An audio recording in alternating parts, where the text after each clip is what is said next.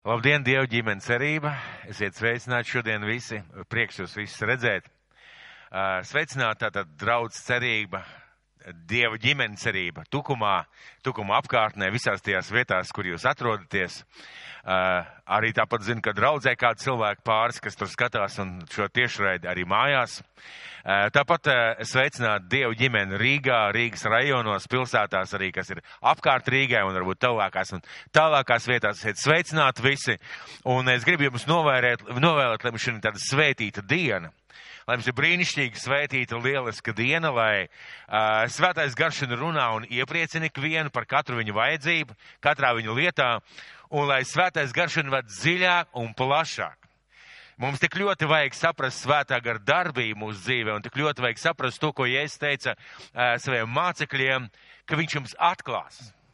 Tāpēc, lai svētais garšana mums atklāja lietas, kas mums ir svarīgas un mums katram ir vajadzīgas. Paldies visiem, kuri atbalsta ar ziedojumiem. Paldies, ka jūs esat uzticami un uzticīgi tā kunga darbam, tam aicinājumam, ko mēs katrs esam aicināti. Un šodien ir pienācis laiks, un šobrīd ir pienācis laiks, kad es gribu dalīties ar vārdu. Un man personīgi joprojām ir diezgan grūti varbūt pierast runāt tiešraidē, tāpēc atvainojiet varbūt skatītāji, ja es reizēm aizraušos ar zāli, ar zāles cilvēkiem varbūt, bet es cenšos, centīšos turēties pie tā, lai runātu arī ar jums. Un nākuši svētdien mums ir uh, brīnišķīgi svētki. Vai, es, vai es, kā jūs domājat, kādi svētki mums ir? Vasaras svētki. Nākošais ir vasaras svētki. Tie ir tādi brīnišķīgi svētki, jo mums vasaras svētku draudzēm sevišķi mīļi, jo mēs sevi identificējam ar tām pirmajām draudzēm, jeb to pirmo draudz, kas piedzima vasaras svētku dienā. Un kā kāds mācītājs teica, vasaras svētku draudze viennozīmīgi ir visvecākā konfesija uz planētas Zeme. Ziniet, kāpēc? Kā konfesija, kā kristīgā draudz. Jo vasaras svētku dienā notika pirmā, pirmā lielā starptautiskā uh, vasaras svētku konference. No dažādām vietām, pasaules malām, dažādām valodām cilvēks sanāca kopā, piedzīvoja svēto garu, atgriešanos, uh, dievu zīmes un brīnumus un pravietojums izskanēja. Tāpēc uh, nākošais svētdien mēs sveiksim jūs. Vislabākajos, visbrīnišķīgākajos svētkos, ja tā varētu teikt, priekš mūsu vasaras svētku draudzēm. Un uh, svētais gars nāca kā, kā Jēzus bija pravietojis, jeb kā Jēzus bija teicis, gaidiet, sagaidiet spēku no augšienes, neaiziet no pilsētas. Viņš uh, runāja par to, ka nāks svētais gars, un par to nedaudz vēlāk.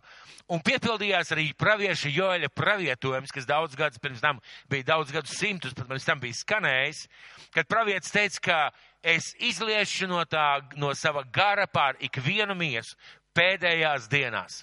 Un tas notika šajos vasaras svētkos. Bet Jēzus kaut ko teica par to, ko svētais gars darīs. Būtu bijis diezgan dīvaini, ja Jēzus pateikt, gaidiet svēto garu. Gaidiet viņu, ja pravietis Joēls būtu pravietojis, ja pravieti būtu pravietojuši, un viss tā būtu palicis vienkārši gaidiet. Ko tad gaidīt? Iedomājieties, jūs, jūs saņemat vēstuli mājās, vai jums kāds piezvana un skan viens vārds. Gaidiet, pie jums atnāks ciemot. Kāpēc? Kas? Kādēļ? Jēzus kaut ko runāja par to, kāpēc nāks svētais gars. Ja mēs saprotam, ka Jēzus nevarēja būt visās vietās vienlaicīgi, un svētgara klātbūtne visās vietās vienlaicīgi katra cilvēka dzīvē, tas ir kaut kas unikāls, ko spēj tikai Dievs. Bet svētajam garam ir arī kāds uzdevums, kāds mērķis, kāpēc svētais gars ir nācis šo zemi. Kāpēc svētais gars ir nācis te? Jā, spēks būt lieciniekiem. Ja es teicu, jūs saņemsiet svēto garu un būsiet man liecinieki kā Jeruzalemē, tā Jūdē līdz Samarijā, līdz pašam pasaules galam. Jā, protams, jā, protams, mēs, bū, mums būs spēks būt lieciniekiem. Bet es šodien gribētu runāt par vēl kādu niansi, ko Jēzus patiesībā pateica par svēto garu. Viņš mūs mācīs un atgādinās. Viņš ņems no tā, kas ir Jēzus un darīs mums zinām.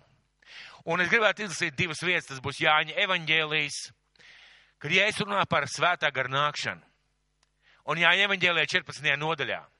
Bet aizstāvis svētais gars, ko tēvs sūtīs manā vārdā, Tas jums visu mācīs un atgādinās jums visu, ko es jums esmu sacījis.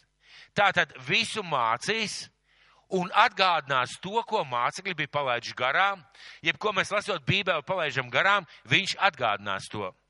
Un turpat 16. nodaļā, bet kad nāks viņš patiesības gars, tas jūs vadīs visā patiesībā.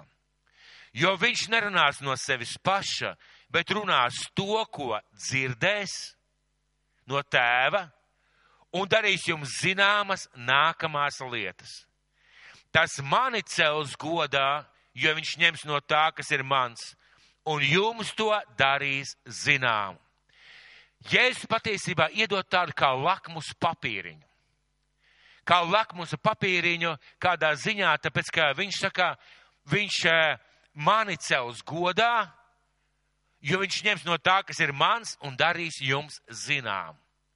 Un mēs vienmēr varam pārbaudīt, Ja kāds cilvēks saka, man svētais gars atklāja, man svētais gars pateica, vai mums liekas, ka man svētais gars kaut ko ir pateicis, mēs vienmēr varam uh, ieskatīties šajā vārdā un mēģināt saprast, vai tas pagodina Jēzu, vai tas saskan ar Jēzus vārdiem, vai tas kaut kādā mērā atklāja kaut ko no Jēzus gribas, no Dieva gribas mūsu dzīvē. Tas ir kā lakmus papīriņš. Un vēl Svētā gara nākšanas rezultātā piedzimst Jēzus Kristus draudz. Svētā gara nākšanas rezultātā piedzimst Jēzus Kristus draudz, kas tic Jēzum kā mesijam, kā glābējam, kā pestītājam, kas māca par viņu, kas sludina par Jēzus Kristu, kas uh, kristī un kas cilvēkus dara par mācekļiem. Draudze ir tā institūcija, kas uh, nes evaņģēliju šajā pasaulē un kas māca cilvēks par Jēzus Kristu draudz. Un eh, ko tad šis svētais gars darīs mums Jēzus mācekļiem? Viņš atklās mums lietas, kas mums ir jāzina. Viņš mums mācīs ne tikai mācību, dariet vai nedariet, labi vai slikti, bet viņš atklās, ko Jēzus pats darīja. Viņš mums liks domāt, ko Jēzus darīja kāpēc viņš darīja un kā viņš to darīja. Es gribētu šeit minēt kādu piemēru. Es eh, nezinu, vai to var attiecināt pilnīgi uz visām profesijām, bet kas saistās ar amatniecību, ar kaut kādiem roku darbiem vai, vai ar celtniecību, ir ļoti daudz lietas, ko tu vari iemācīties, lasot grāmatas, sēžot klasē, vai vienkārši, kad meistars tev pamāca. Tu daudz vari iemācīties, un tas ir vajadzīgs. Bet ir lietas, kuras nevar pastāstīt ar vārdiem. Ir lietas, ko nevar pateikt visu, dari tā, dari tā, dari tā. Un esot kopā ar meistaru, Tu skaties, un tur varbūt tev rodās jautājums, kāpēc viņš dara tieši tā, kāpēc to pa priekšu, kāpēc drusku savādāk, kāpēc viņš varbūt dara savādāk. Man mīļa tēma ir, ir makšķerēšana. Un, ziniet, es mācījies no cilvēkiem, skatoties kaut kādus video, un es mācījos no cilvēkiem, es kopā, gā, kopā esmu bijis. Un visu nepasaka. Dari tā, tā, tā, tā, tā. Nav tādas matemātikas. Ir kad tu skaties uz cilvēku, ko viņš dara, tu ļoti daudz ko iemācies un tev parādās jautājums, a, kāpēc tu tā darīji? A, kāpēc tu tā darīji? A, kāpēc tu tā darīji? A, kāpēc tu šādā veidā izturējies vai rīkojies? Un, ja tu pajautā, tu saņem atbildi. Tāpēc šodien svētiem garam pajautāsim par to, ko mums vajadzētu lasot par Jēzus attiecībām, par to, kā Jēzus kalpoja, ko mums vajadzētu izlasīt starp rindiņām. Jo, ziniet, Jēzus nekad neteica, man ir attiecība modelis tāds, tāds, tāds un tāds. Bet skatoties viņu dzīvē, skatoties viņa kalpošanā, mēs varam ieraudzīt, ka Jēzum Kristum bija tāds kā attiecība modelis, kas bija kā trīs stūrs. Ar trīs stūriem viņam bija kā trīs tādas lietas, ar tie, trīs grupas cilvēku, ar kuriem viņš veidoja attiecības. Un es šodien gribu dalīties ar vārdu par to, kā Jēzus veidoja attiecības. Šeit vēl uz zemes esot. Domāsim kopā, mācīsimies kopā, mēģināsim saprast un lasīt starp rindiņām. Un vārds, ar kuru šodien dalīšos, saucās Jēzus attiecību trīsstūrs. Man aiz muguras šeit ir liels trīsstūrs, jā, es domāju, ka jūs viņu visu redzat. Jēzus attiecību trīsstūrs. Un vispirms lūksim, lai svētais gars mums atklāja un lai svētais gars runā uz mums, kā tas attiecās uz mums ikvienu. Vai esat gatavi lūgt? Lūkšana ir saruna. Mēs tagad vienkārši tēvam paprasīsim, svētajam garam palūksim, lai viņš mums atklāj un palīdz saprast, ko Jēzus darīja tādu, ko mēs varbūt mēs šodien nedaram. Dabas tēvs, mēs tev pateicamies, kungs, par tavu vārdu. Mēs tev pateicamies, Jēzus, par tavu izcilo, brīnišķīgo, lielisko dzīvi.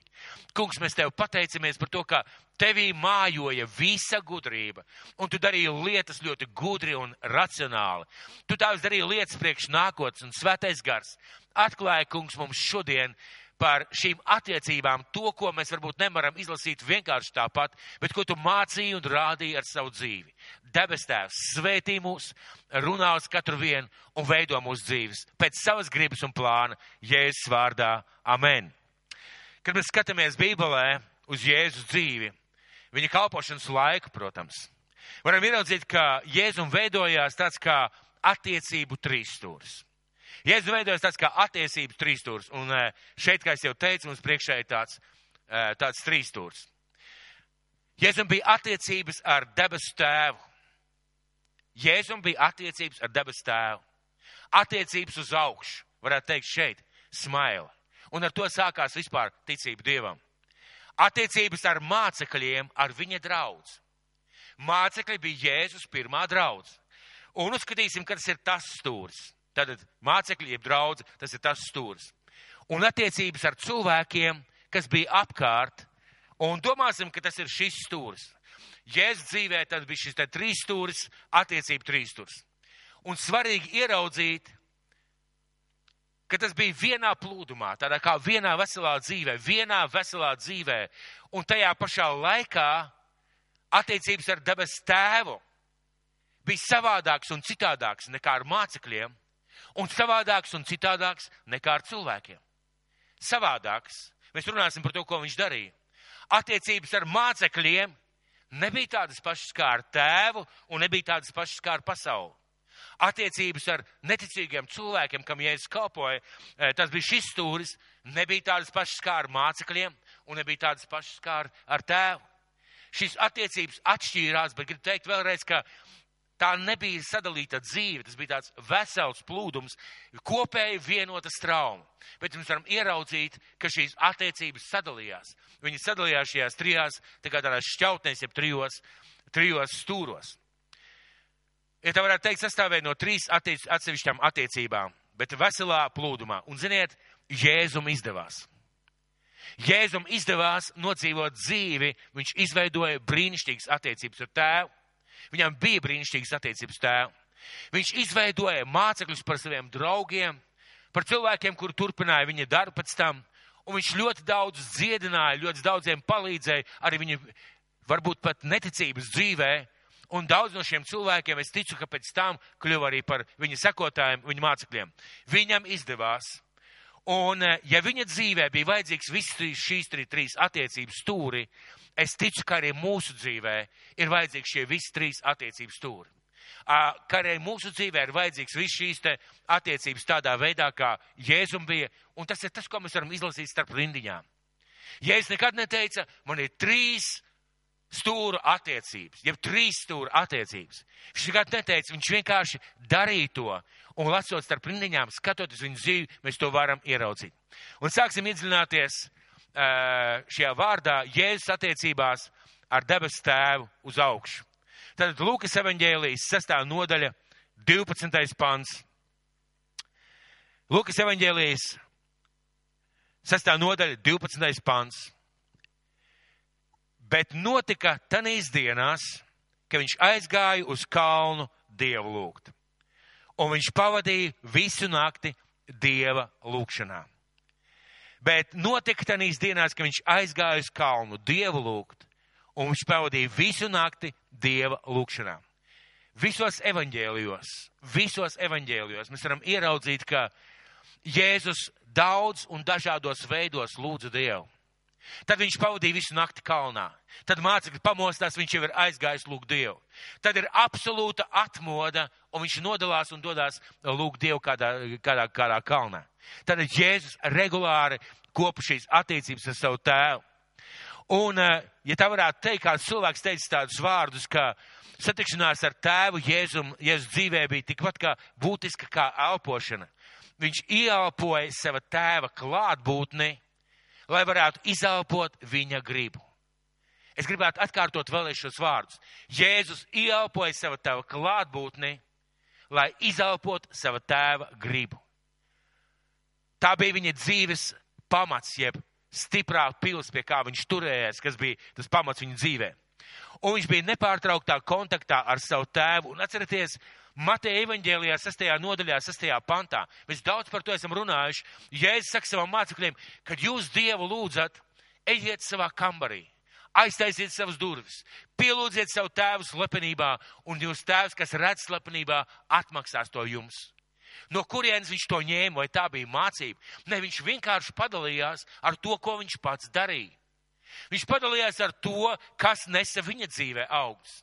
Viņš padalījās ar lietām, kas viņa dzīvē atnes šīs tuvās, reālās attiecības ar debes tēvu. Un, ja mēs lasām šo viņa, viņa dzīves stāstu, mēs varam ieraudzīt, ka viņam bija ļoti tuvas ģimeniskas attiecības. Tajā laikā mēs zinām, ka ebreju tautas cilvēki, viņi tauca, sauca um, Dievu par Jehovu un mazgājās pirms tam, un pēc tam mazgājās, un Dievu vārdu nevarēja izrunāt, un pēkšņi Jēzus atnāk un saka, kad jūs lūdzat Dievu, sakiet mūsu tēvs debesīs. Viņam bija ļoti tuvas ģimeniskas attiecības ar debes tēvu ļoti tuvas ģimenes attiecības. Un eh, jā, jāatcerieties, ir Jāņa evaņģēlē, tas ir šī gada mūsu draudzes pants. Ja jūs paliekat manī, un mani vārdi paliek jūsos, jūs varēsiet lūgt, ko gribat. Ja jūs paliekat manī, un mani vārdi paliek jūsos, jūs atnesīsiet daudz augļus. Mēs reizēm šos vārdus paņemam kā tādu kalambūru, kā tādu bībeles pantu, bet patiesībā, ko Jēzus šeit izdarīja? Viņš pateica, Es tā dzīvoju. Es palieku tēvā, tēva vārdi paliek manī, un es lūdzu, un man notiek tas, ko es vēlos. Es palieku tēvā, tēva vārdi paliek manī, un es atnesu daudz augļus. Patiesībā viņš nenesa mācību kā tādu, viņš padalījās ar to, kā viņš dzīvoja. Tad viņš veidoja šāda veida attiecības. Un kāds ir rezultāts šīm viņa attiecībām? Kāds bija rezultāts viņa attiecībām? Un es nerunāšu šobrīd par augļiem, par dēmoniem, par zīmēm, par dziedināšanu, par brīnumiem. Es nerunāšu par to. Par to visu mēs varam lasīt, bet es gribētu vest mūs uz Jāņa evaņģēlīju 14. nodaļa, 8. līdz 11. pants.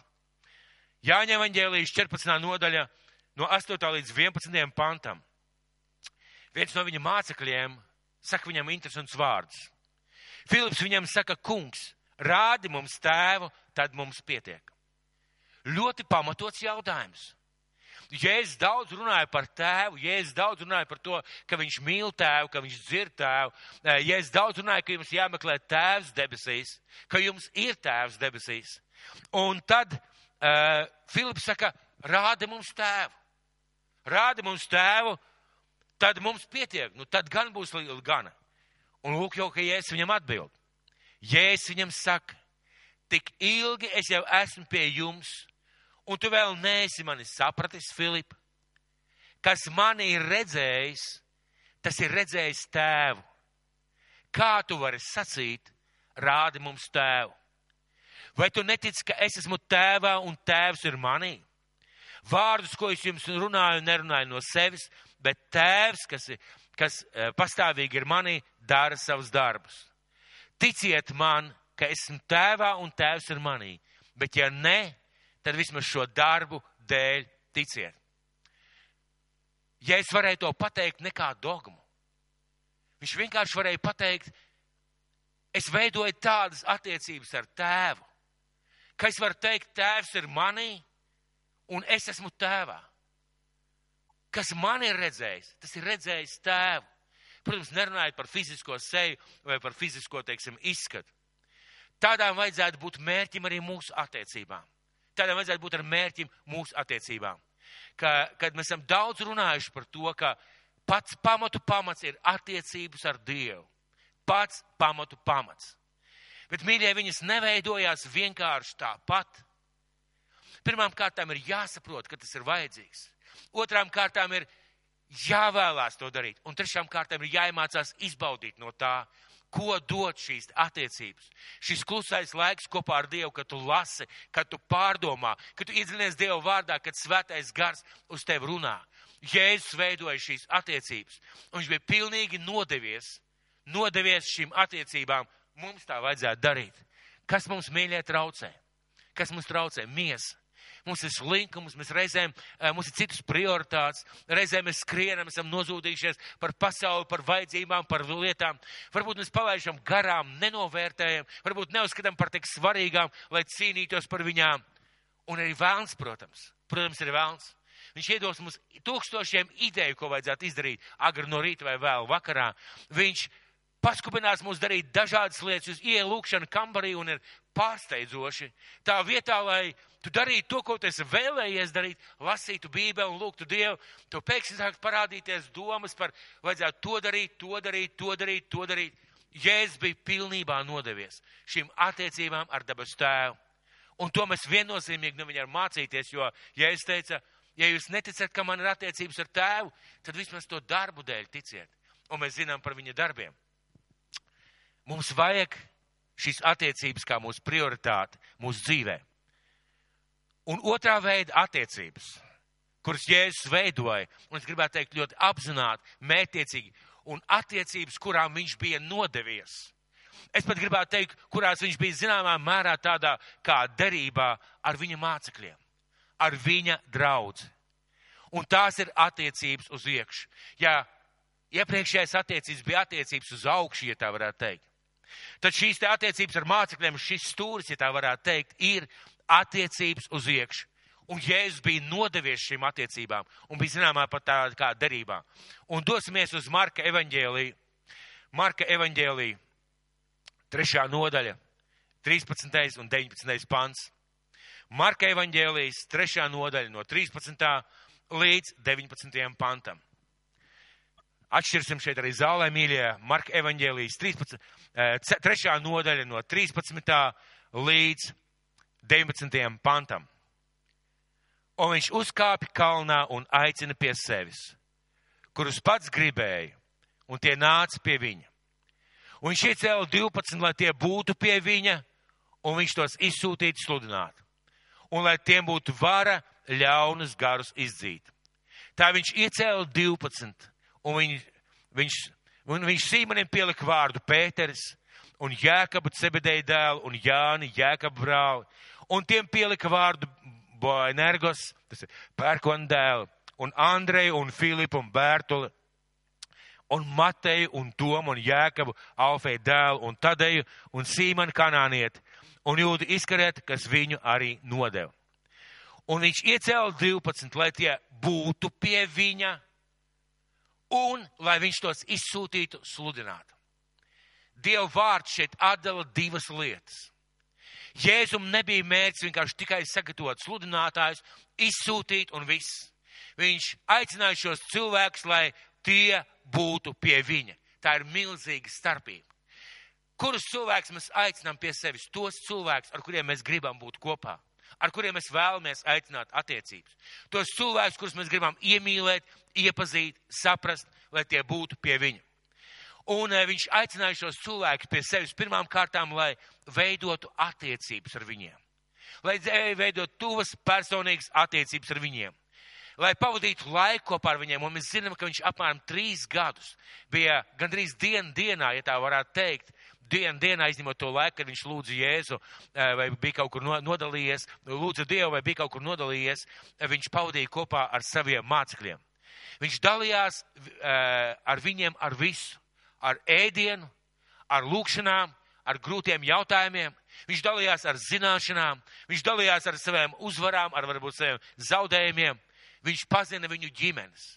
Un tas man liek, mīļie, domāt, liek domāt par to, ka tā bija viņa pirmā draudze, ja pirmā draudze, ja nevarētu teikt pat kristīgā, tā bija Jēzus draudze, un viņš veidoja ar viņiem attiecības. Un ar savu piemēru viņš rādīja, ka katram ir vajadzīga draudze. Ar savu piemēru Jēzus rādīja, ka katram cilvēkam, katram cilvēkam, kurš tic uz Kristu, ir vajadzīga sava draudze. Otrām kārtām, kādām vajadzētu būt šīm te attiecībām draudzēm.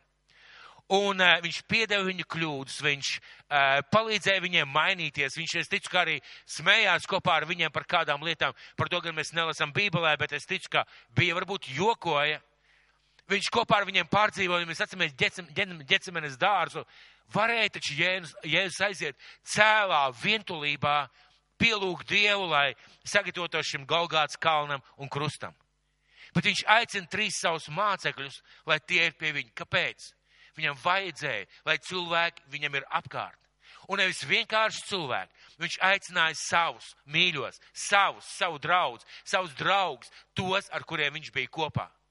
Un ja mēs skatāmies arī Bībelē, mēs lasām šeit, ka viņš, viņš nosauc šos cilvēkus konkrēti vārdā. Ziniet, kā, ja mēs, piemēram, mēs gribētu par kādiem cilvēkiem pastāstīt.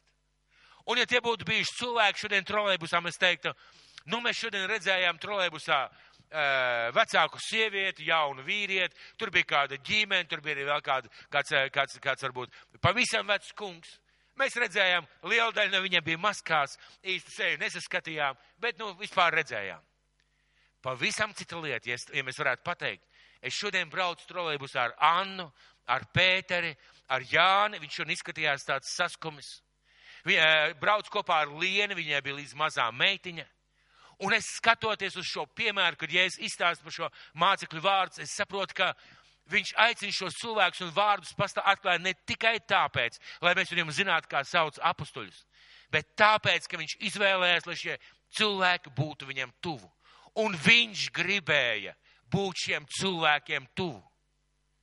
Viņš uzaicināja šos cilvēkus būt tuvu viņam, un viņš gribēja, lai šie cilvēki ir tuvu viņam. Un viņš zināja, ka mums katram cilvēkam ir vajadzīga piedarība. Jēzus zināja. Mēs esam radīti kā sabiedriskas būsnes. Atcerieties Ādam. Kas nekaiš vientuļiem vilkam? Atcerieties Ādamu. Kas nekaiš vientuļiem vilkam? Pie Dieva labās rokas, ja tā varētu teikt. Eidenes dārzā dzīvnieki, augi, ēd, priecājās, dzīvo. Un Dievs redz, ka Ādamam ir ar to pamaz un rodās pirmā draudz, pirmā ģimene. Jēzus atnāk uz šo zemi, kas viņam netraucē, kas viņam traucē, kopt attiecības ar tēvu un kā vientuļiem bruņiniekam klejot, sludināt, stāstīt un gaidīt. Nē, viņš izvēlās cilvēkus, lai tie būtu kopā ar viņu, lai viņš varētu ar šiem cilvēkiem veidot attiecības, lai šie cilvēki varētu ar viņu veidot attiecības. Viņš zināja, ka ikvienam cilvēkam, ikvienam kristietim ir vajadzīga draudz. Viņš zināja, ka cilvēkam vajag mīlestību, jeb kādu vietu, kur viņi pieņem tādu, kāds viņš ir. Kur varbūt viņam palīdz mainīties, bet pieņem tādu, kāds viņš ir. Un viņš zināja, ka tikai draudzē cilvēki veidojas par mācekļiem. Viņš zināja, ka tikai draudzē cilvēki veidojās par mācekļiem. Padomāsim par to mirkli, kad Jēzus sūta pēc ēzelīša. Sakiet, cik grūti ir atsiet ēzelīti? Kā domā viestur? Cik grūti ir atsiet piesietu ēzelīti? Nu, vienkārši pareizi. Tur pat nebija piekaramās ķēdes. Vienkārši piesiets ēzelītis. Bet viņš sūtīja divus. Un ar to viņš saka, jums cilvēki ir vajadzīgs vienmēr kāds blakus. Jums vajadzīgs brālis, jums ir vajadzīga blakus māsa, kas ir daļa no jums, kas ir jūsu draudze, kas ir jūsu cilvēki, ar kuriem esat kopā. Viņš mācīja, ka māceklības pamatā vienmēr ir draudz. Ka māceklības pamatā vienmēr ir draudz un attiecības savā starpā. Jēzus runāja arī par to, ka es celšu savu draugu. Atcerieties, viņš teica, es celšu savu draugu. Viņš kopā ar mācekļiem, un tad viņš saka, es celšu savu draugu, un ēlas vārtiem to nebūs uzvarēt.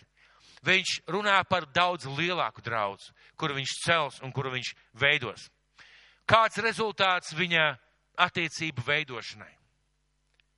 Sāksim ar to, ka mēs vienkārši jau esam šeit. Ja Jēzus būtu bijis kā vientuļais bruņinieks, kurš kā vientuļais pravietis, kurš atnāca, nopravietoja, pateica, un viss, mīļie, mēs neviens šeit nesēdētu. Jūs neskatītos šo te, tele, šo, šo te tiešraidi.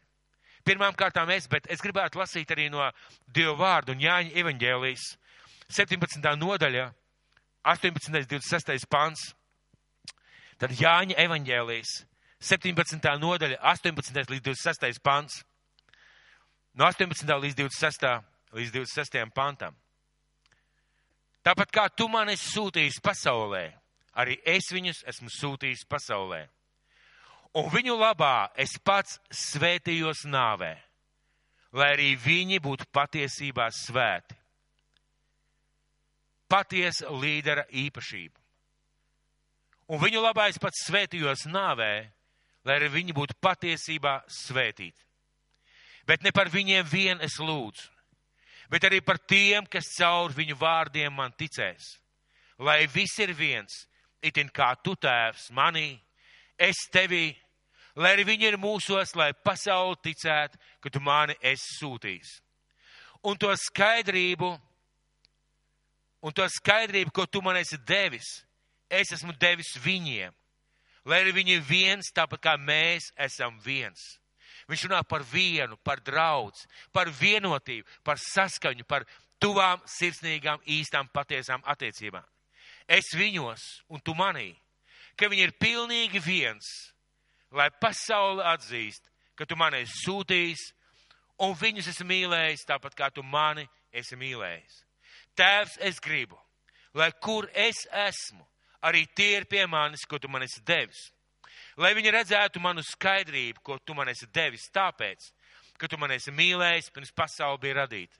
Taisnais tēvs, pasauli tevi nav atzinusi, bet es tevi esmu atzinis, un šie ir atzinuši, ka tu mani esi sūtījis. Un es viņiem esmu darījis zinām tavu vārdu un darīšu to zinām, lai mīlestība, ar ko tu mani esi mīlējis, būtu viņos, un es arī būtu viņos. Šajā vietā Jēzus runā, ka tā, tā ir viņa draudz. Tā ir tā cilvēku grupa no Dieva izredzēta, kurā Dievs viņu ir ielicis, jo mēs atceramies, ka viņš uzkāpa kalnā, viņš lūdza Dievu un saņēma no Dieva vārdu, jeb, teiksim, vārdus, kurus aicināt pie sevis. Viņš saņēma, kā cilvēks piedzīvo Kristu savā dzīvē, piedzīvo Dieva žēlastību savā dzīvē. Dievs viņu ved uz draudzi. Un ne tāpēc, lai viņš apstaigātu septiņas draudzes un mēģinātu izvēlēties labāko, bet tāpēc, ka ir kāda draudz, kurā vietā viņam vajadzētu augt, veidoties, skoloties un pamazām uh, augt. Un, mīļie draugi, ir, šis, šis ir nobeigums, ko mēs lasījām, kā, kā Jēzus skatījās šiem cilvēkiem. Un tagad es gribētu doties jau uz apstuļu darbiem. Apstuļu darbu grāmatu vēstules. Piedzimst draudze Romā. Vēstuli romiešiem nav vēstule tiem, kas dzīvo Romā. Tad jau Cēzaram arī tā būtu vēstule. Draudzē Romā, draudzē Efezā, draudzē Korintā, draudzē Laudiķijā, draudzē Galatijā, draudzē. Jēzus raksta, un Pāvils, Jēzus raksta caur Pāvili, tā varētu teikt, Pāvils raksta vēstules draudzēm. Viņš neraksta vientuļiem bruņiniekiem, viņš neraksta vienkāršiem klejotēm, viņš raksta draudzēm. Un, ja mēs kādreiz domājam par to, kāda izskatījās pirmā draudze, esmu dzirdējis ārkārtīgi daudz spekulāciju. Sakiet, vai Jēzus pirmajā draudzē bija kaut kāda kārtība, jeb kaut kāda sakārtotība. Jēzus bija galva, Jēzus bija vadītājs, Jēzus bija skolotājs. Tad bija trīs tuvākie mācekļi, ar kuriem viņš kopā daudz lietas darīja, ko viņš atsevišķi mācīja. Tad bija pārējie mācekļi. Mēs zinām, ka Jūdas bija pat, pat eh, šis te kases turētājs. Bija kaut kāda sakārtotība. Kad mēs runājam par pirmajām draudzēm, es esmu dzirdējis tik daudz spekulāciju, ka pirmajās draudzēs nebija sarakstu, pirmajās draudzēs nebija struktūra, pirmajās draudzēs vienkārši cilvēki pielūdz Dievu un cilvēki mēģina tā joprojām dzīvot. Un, ziniet, mīļie draugi, tā nav taisnība. Pirmām kārtām mēs lasam, kā Pāvils raksta uh, Timotejam un, uh, un Titam, iecelt draudzēs presbiterus, iecelt draudzēs mācītājus. Tālāk viņš raksta ganiem, gani, ganiet jums uzticēto ganāmpulku, kā tādi, kam būs jāatbild par jūsu ganāmpulku. Gani rūpējieties par šiem cilvēkiem. Jaunākie viņi raksta, jaunākie paklausiet saviem vecākiem. Un, piemēram, pirmā draudz. Tas viss runā par kaut kādu struktūru, tiešām par draudzes kopā būšanu. Un, ja mēs, eh, un, ja mēs runājam par, runājam par, par varbūt, par, eh, par pirmo draudz, jūs atceraties, ka pēc tam, kad pievienojas 3000, eh, pēc tam vēl cilvēki pievienojās, Un rakstīts, ka viss viņiem bija kopīgs, viņi pārdeva savus īpašumus, sanesa un izdalīja, kā kuriem vajadzēja. Ja, piemēram, jums, jūs gribētu izdalīt, kā kuram vajag, jums taču ir jāzina, cik, kā un kuram ko vajag. Jums taču jābūt kaut kādās attiecībās, kaut kādā kopībā, lai saprastu, lai zinātu, cik kuram vajag. Tas nozīmē, ka pat pirmajā draudzē bija kaut kāda kārtība, sakārtotība. Reizēm cilvēks saka, Draudzē nekad nav, bij, nav bijis saraksts, nav taisnība. Nav taisnība. Pirmām kārtām debesīs Dievam ir saraksts. Kurš kurā vietā un kurš ir pie Dieva vai nav. Otrām kārtām, kā tu vari cilvēku zināt, kā tam palīdzēt, kurš, kurš tev jāgan, kurš tev nav jāgan. Tātad šis tas saraksts. Un, mīļie draugi, runājot par, par mums, kas mums traucē veidot šīs attiecības uz iekšu kas mums traucē būt šajās attiecībās uz iekšu, uz draudz, kas mums traucē veidot šīs attiecības, kas ir patiesas, kas ir Dieva vārdā minēts un kuras Jēzus veidoja, tādā veidā, kā viņš veidoja. Es, es ticu, ka ir trīs lietas, kas mums traucē. Es ticu lietas, kas mums traucē. Pirmām kārtām, es nāku uz draudz, bet es nestājos. Un cilvēkiem ļoti gribās, lai viņus pieņem. Viņi atnāk uz draudz, viņi nāk uz dievkalpojumiem, un cilvēkiem ļoti gribās, lai viņus pieņem, lai viņus mīl, lai viņus sveicina, lai viņiem uzticās, lai ar viņiem rēķinās, lai viņiem parāda mīlestību. Bet cilvēks nestājās draudzē, un ziniet, kas tas ir?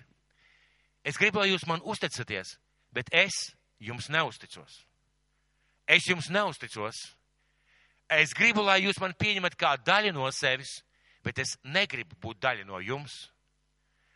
Es negribu būt daļa no jums, ja es tādā veidā neveidoju attiecības. Varbūt draudzē, jeb kopā saistībā ar draudz trīs dažādos veidos. Pirmkārt, var nākt un gadiem var nebūt draudzē. Es neuzskatu par pareizu, kristīgu vai dievbijīgu veidu. Ja es tādā veidā neizturējos pret saviem mācekļiem, viņš viņus sauca vārdā, viņš bija kopā ar viņiem, viņš piederēja viņiem un viņi piederēja viņiem, ja tā varētu teikt. Varbūt trīs veidos. Otrs veids, kas cilvēkiem traucē būt draudzē. Es fiziski varu būt draudzē, es varu nākt, bet mana sirds, viņa nepiedara šai draudzē. Es kādreiz sludināju sprediķu, ko man Dievs deva, tā draudz. Mēs reizēm dzirdam, cilvēki sakām, šī draudze, tā draudze. Ja es nevaru pateikt, mana draudze, man ir kaut kas problēmas ar attiecību veidošanu draudzē man ir problēmas ar manu sirdi, jo tad mana sirds nepiedara šai draudzē. Un trešais veids, gan fiziski, gan ar sirdi būt šajā draudzē. Kas mums traucē? Kas mums traucē veidot tādas attiecības, kā Jēzus veidoja ar saviem mācībiem? Kas mums traucē? Pirmām kārtām nesapratne. Mēs varam nezināt un nesaprast, ka tas ir Dieva ceļš priekš mums, tā Dieva bērniem. Un cilvēks saka, man nav vajadzīga draudze. Tā ir tāda mācība, kas ved cilvēkus uz individuālis. Tā ir tas nepareiz mācība. Otra lieta - mūsu nekristīgais raksturs, jeb raksturs, kas ir, kurā mēs nemainamies. Mēs gribam būt ne, neatkarīgi, mēs gribam būt egoistiski, mēs gribam vienmēr spriest par savam, darīt par savam, domāt par savam. Un tas mums it kā liek aicināt, it kā aicina uz draudz, bet tas mums neļauj pievienoties draudzēm. Trešām kārtām rūgtums rūgtums par kādām iepriekšējām pieredzēm, vai rūgtums par kaut ko draudzē, un mēs nepievienojamies draudzē ar savu sirdi. Kā jūs domājat, kāpēc cilvēki aiziet no draudzēm? Es runāju ar daudz mācītājiem, un arī es pats, pats esmu cilvēks, kurš jau, jau pietiekoši ilgi ir mācītājs. Ļoti daudz cilvēku aiziet no draudzes, un ziniet, ko viņi saka? Ļoti interesanti. Pilnīgi pretēji tam, ko Dievvvārds saka. Svētais gars mani ved prom. Dievs mani ved prom. Dievs mani ved tālāk. Tas pilnīgā iet pretrunā ar Dievu vārdu. Ziniet, kāpēc? Jo Dievu vārds saka, katrs rūgtums, katra aizvainotība, katra nepiedošana, lai ir tālu no mums. Un cilvēks noslēpjas aiz vārdiem, Dievs man ved tālāk, Dievs ved projām, un aiz šiem vārdiem noslēpies cilvēks, varbūt pat ne fiziski, bet emocionāli un dvēseliski un ar savu sirdi dodās projām. Tā vietā, lai izmainītu savu draugu, lai lūgtu par draugu, lai domātu, lai izlīdzinātos, lai pārvarētu savus netaisnības sevi iekšā. cilvēks dodas projām. Sakiet man, cik reizes Jēzu aizvainoja viņa mācekļi? Desmitiem reižu. Bībele saka, Pēters paņēma pat Jēzu tā kā malā, tā kā viņš teica, lai tev, ne, tev nenotiek pēc tā, ko tu saki, un rakstīts, viņš viņu aprāja. Iedomājieties, Pēters aprāja Jēzu. Mācekļi strīdējās par to, kurš sēdēs pie labās, pie kreisās rokas. Mācekļi darīja dažādas trakas lietas. Pēters teica, nosauksim uguni, nodedzināsim šo ciematu. Cik reiz mācekļi darīja pāri Jēzum? Un eh, kas ir interesanti? Nes kāpēc viņš neaizgāja projām. Viņš turpināja ieguldīties šajos cilvēkos, un, ziniet, viņš nezaudēja. Viņš uzvarēja, viņš iegūst šos cilvēkus. Mēs redzam, kad mācekļi vīlās Jēzu. Daudz mācekļu reizēm vīlās Jēzu.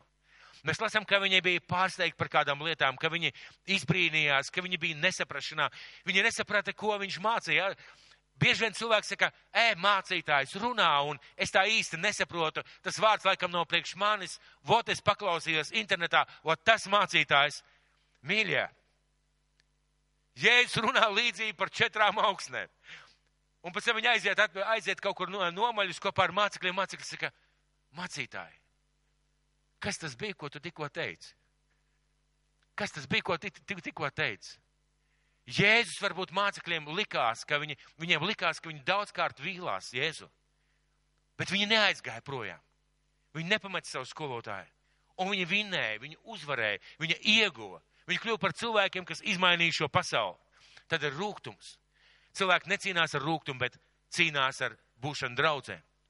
Un paštaisnība nevēlēšanās pieņemt, ka Dievs var tevi, e, tevā, tev, tev kā vadītāju, vai kā kalpošanas vadītāju, vai kā mācītāju, vai kā kādu uh, vadītāju draudzē ieliek cilvēkus, kurus tu uzskat par necienīgiem.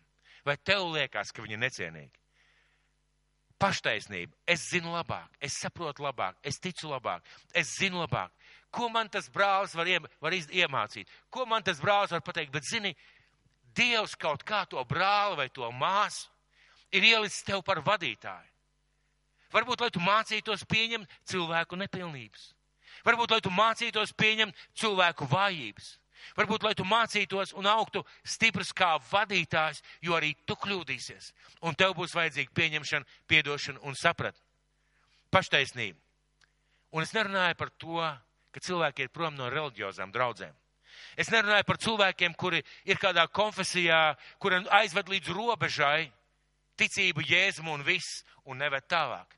Es runāju par draudzēm, kas māca patiesu dzīvu īstu evaņģēliju. Es runāju par tādām draudzēm. Un, mīļie draugi, šis laiks tieši, tiešraides. Mēs nevaram nākt uz dievkalpojumu.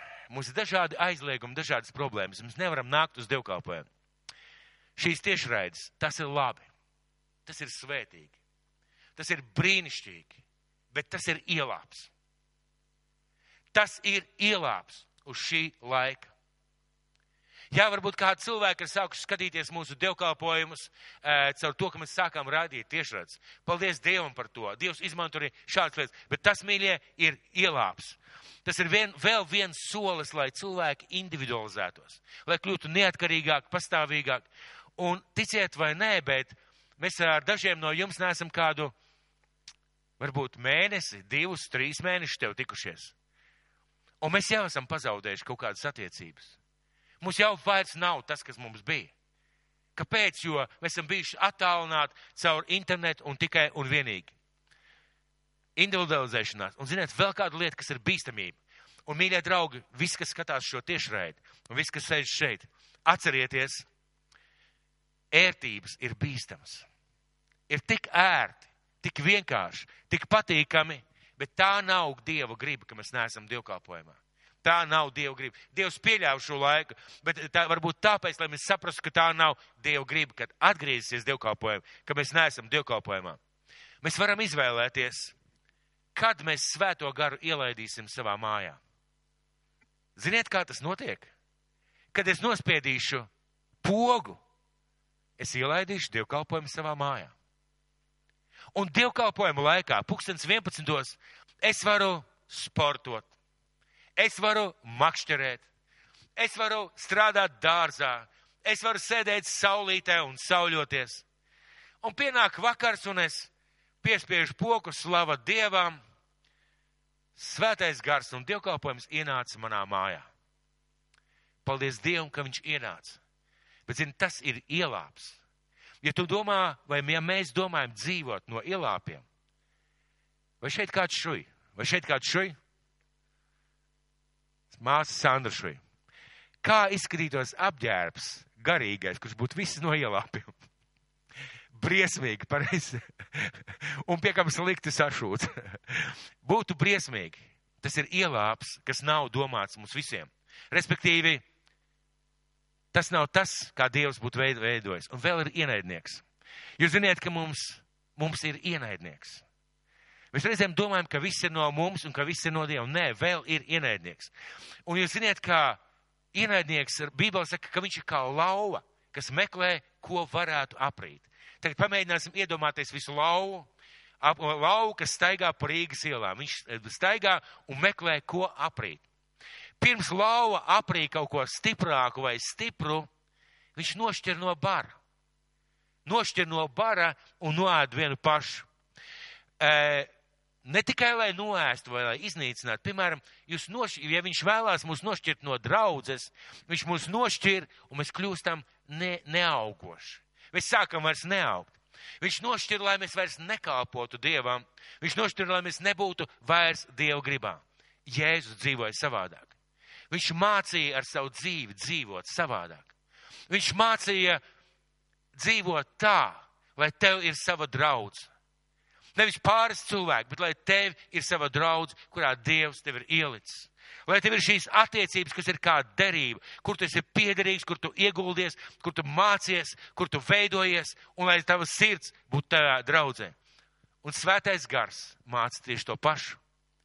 Ja mēs runājam, ka svētais gars, tas, kas cels to, kas ir gaismā, to, kas ir Jēzus, un ņems no tā, kas ir Jēzus, un dos, darīs mums zinām, tad tas, ko svētais gars šobrīd saka, mums ikvienam cilvēkam ir vajadzīga draudz.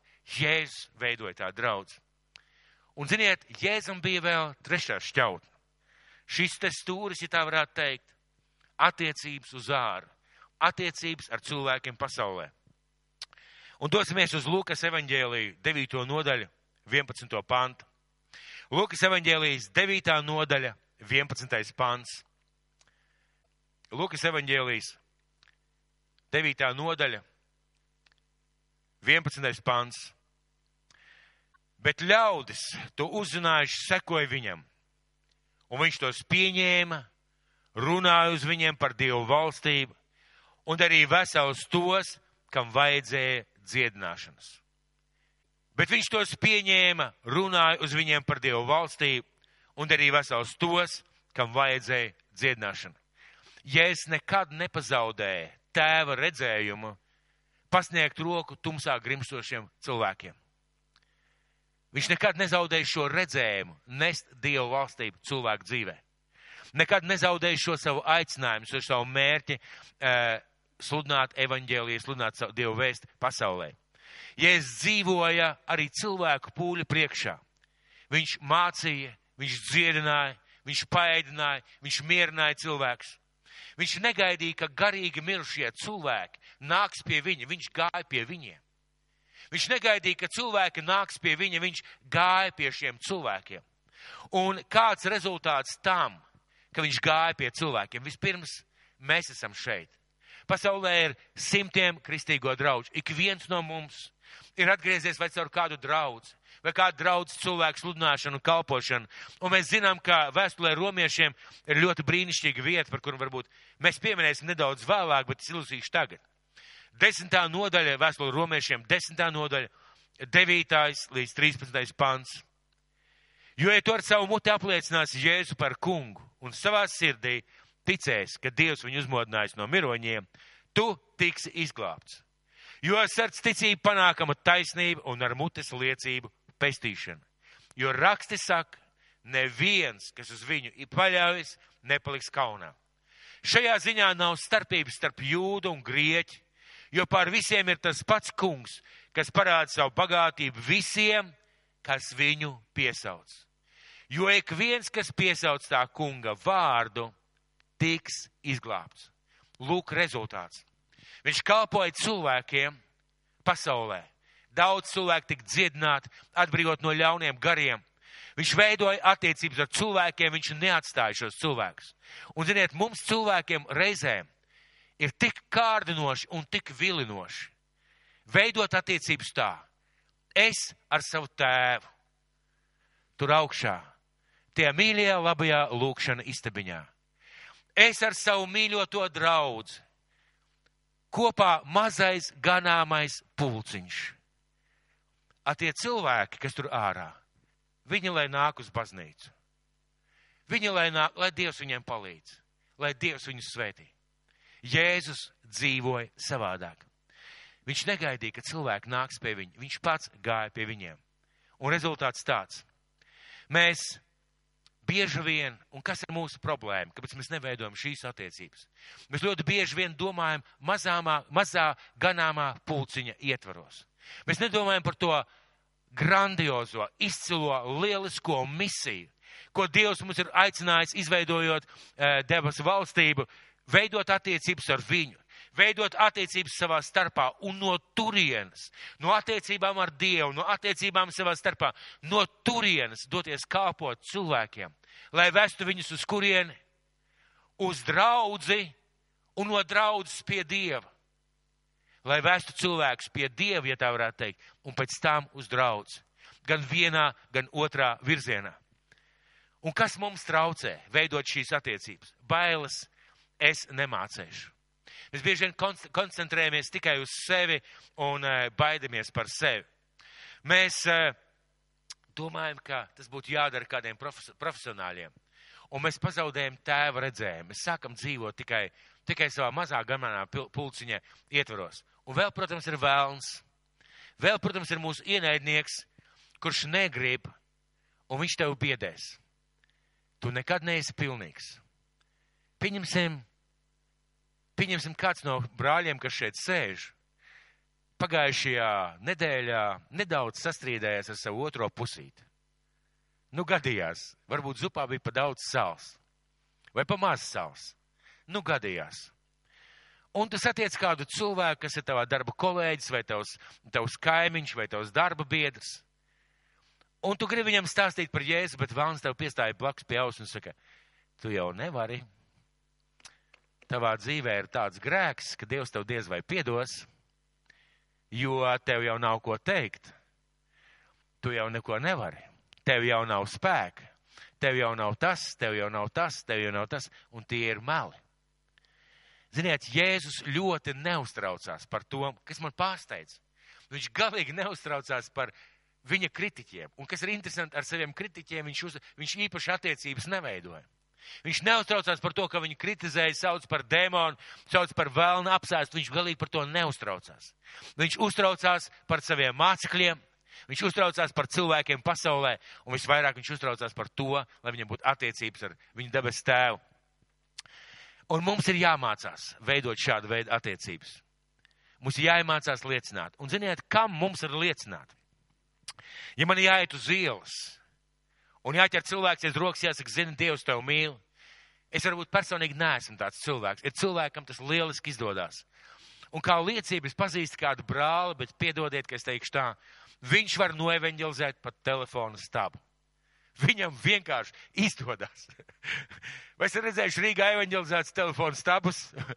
ja esat redzējuši, tas ir viņa darbs. Uh, bet mums ir jāstāsta tiem cilvēkiem, kas mums dabiski ir apkārt. Mēs ejam, mēs meklējam, bet kādā veidā, kas ir mūsu darbā, kas ir mūsu darba kolēģi, ar ko mēs kopā strādājam, ar ko mēs kopā kaut ko darām. Tiem cilvēkiem, un tad ir viegli.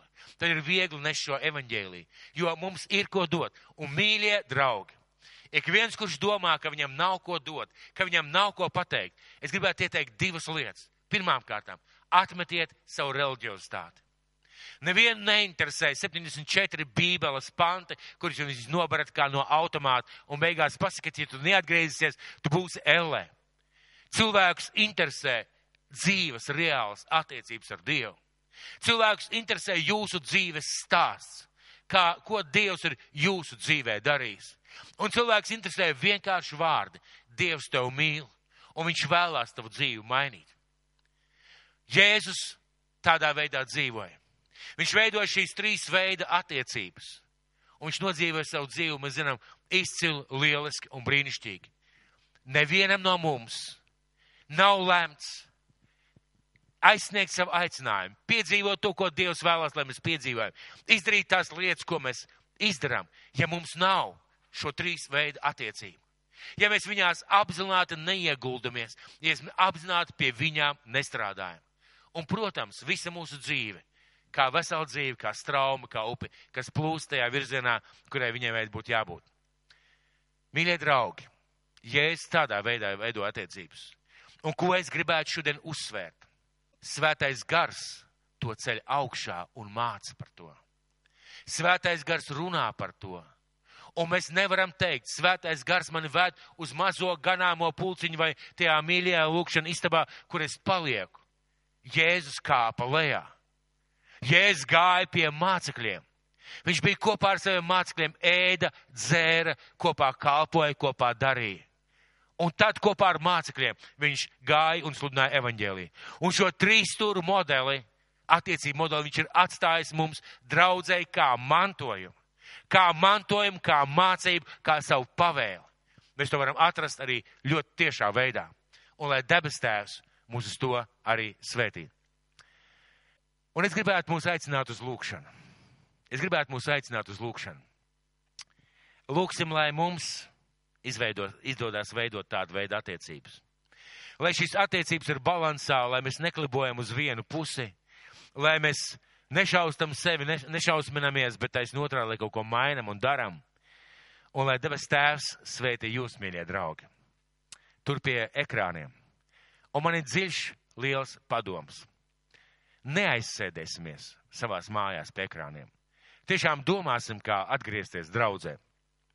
Un lūksim kopā Dievu, mūsu debes tēvs. Mēs tev pateicamies, kungs, par tavu dēlu Jēzu par viņa šo veidu, kā viņš dzīvoja, par to, ko viņš ar savu dzīvi mācīja un par to, kādā veidā viņš nodzīvoja.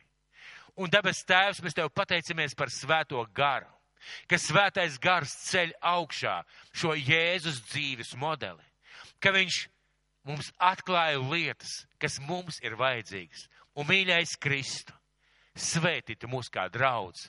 Debes Tēvs veidotu mūs kā draudz, ka, mēs, ka mums ir attiecības ar Tevi, ka mums ir attiecības savā starpā kā draudzē, šīs derības un mīlestības pilnās tuvās attiecības. Un, mīļais kungs, svētī, ka mums ir arī šīs attiecības ar cilvēkiem, kad mēs ejam, kad mēs kalpojam, kad mēs dziedinam, kad mēs lūdzam un kad mēs sludinām. Svētais gars svētī mūs ikvienu uz to. Jēzus vārdā. Āmen.